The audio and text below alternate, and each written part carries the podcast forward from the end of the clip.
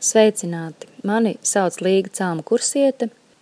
Nākošais stāstījums būs jau par dziesmu svētkiem pēc skaita sestajiem padomu jaunatnes dziesmu svētkiem 89. gadā, kur jau es biju pilntiesīgs svētku dalībnieks.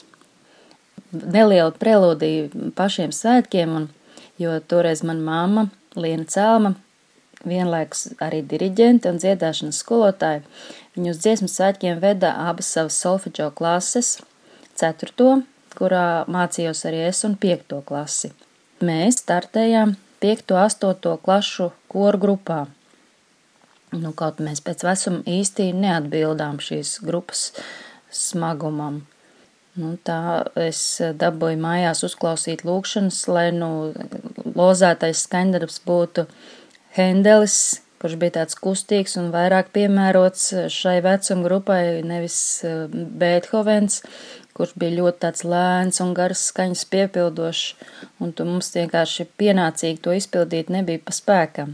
Jo pirms fināla skats mēs nelaimīgā kārtā arī šo Beethovenu izlozējām, un tad pēc tam māma dabūja pa kaklu par to, ka puiši stiepj kaklus un, un ka mēs forsējam. Mums nebija atsevišķi zēnu kori, mums bija klašu bērnu koris, kur eh, zēni un meitenes ir kopā. Un es nezinu, kā, kādēļ tā fizioloģija tā ir iekārtot, bet puiši vienmēr cenšoties ļoti stipri stīpi kaklus. Nu, kaut es domāju, tas ir vienkārši apbrīnojami, ka mēs, kā jau teicu, startējām šajā drusku jau vecākajā grupā, un mēs varējām nodziedāt obligāto dziesmu trīsbalsīgu Aldoņu Kalniņu Tad vai tu zini, vai tu zini, kas ir Latvija? Un to mēs visu varējām perfekti izdarīt. Nu, lūk, un fināls skatē tad gan mums paveicās. Mēs izvilkām šo hendeli. Tas ir tāds gracios un kustīgs skanīja taures cīņām gals. Nu, un tad es atceros, ka pēc tam es eh, šo dziesmu ar tādu sajūsmu izpildīju estrādē, un tad priekšējās rindas pārstāvs pagriezās un, un, un palūdza, lai es dziedu klusāk. Toreiz skatē mēs eh, dabūjām otrās pakāpes laureātu nosaukumu. Tas man ļoti apbēdināja. Un es atceros, es ieraudzīju savu mammu pēc skatas sēžam. Viņa bija sēdēja tāda skolā tur, kur mēs dzīvojām, atslābusi un mājas halātiņā, un tad es atļāvos pieiet un viņai paprasīt nevis kā skolotājai, bet kā mammai, vai viņa ir apmierināta, vai viņa ir priecīga. Un tā tiešām bija atļaušanās, jo skolā man viņa bija atļauts uzrunāt tikai kā skolotāju un vērsties eh, ar uzrunu tikai skolotāju. Un tad eh, viņa atbildēja, jā, ka viņa ir ļoti priecīga un ka mēs esam labi nodziedājuši Un es toreiz tiešām nesapratu, kā priecīga, bet mums taču ir tikai otrā pakāpe. Es atceros, nu, es ar skaudību skatījos uz Siguldas kolektīvu mēģinājumos lielajā aizstrādēt, viņi bija rindu zemāk, nu, tie paši, kas man palūdz dziedāt klusāk, jo viņiem bija pirmā pakāpe, un tiem bija nevis zilas, bet sarkanas piespraudītas. Lai arī muzikālā daļa dziesmu svētkos tas viss ir brīnišķīgi, gan paši mēģinājumi, gan svētki, tad uh, tomēr nakšņošana skolās, uh, gulēšana uz grīdas, tas ne ar ko, manuprāt, nav aizstājams, šīs atmiņas ir neaizmirstamas. Un parasti Jēlgavas skolas nomitināja kādā no purvciema krievalodīgajām vidusskolām, un es ļoti labi atceros, ka ēdiens man šķita neēdams.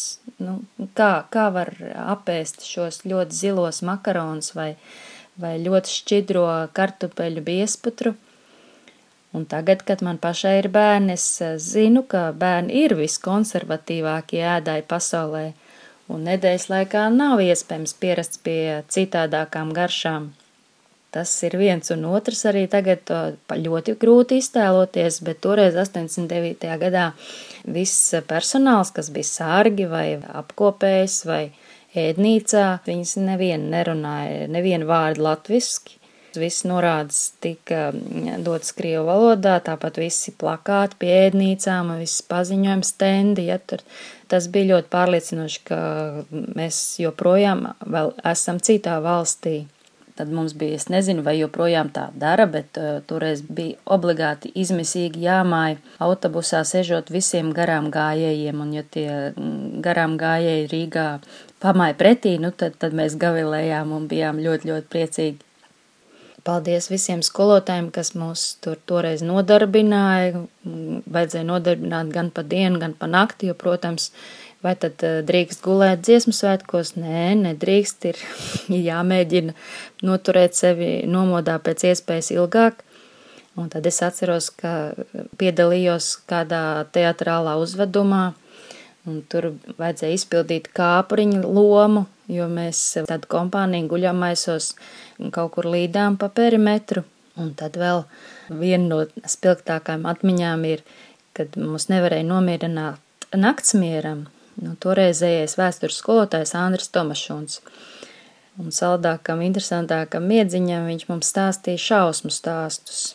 Ļoti izteiksmīgi, jo, jo zālē valdīja mēms klusums, Nu, tad mēs dabūjām dzirdēt par melno rociņu, par balto dāmu, un visbriesmīgākais bija par sarkano nadziņu kotletē.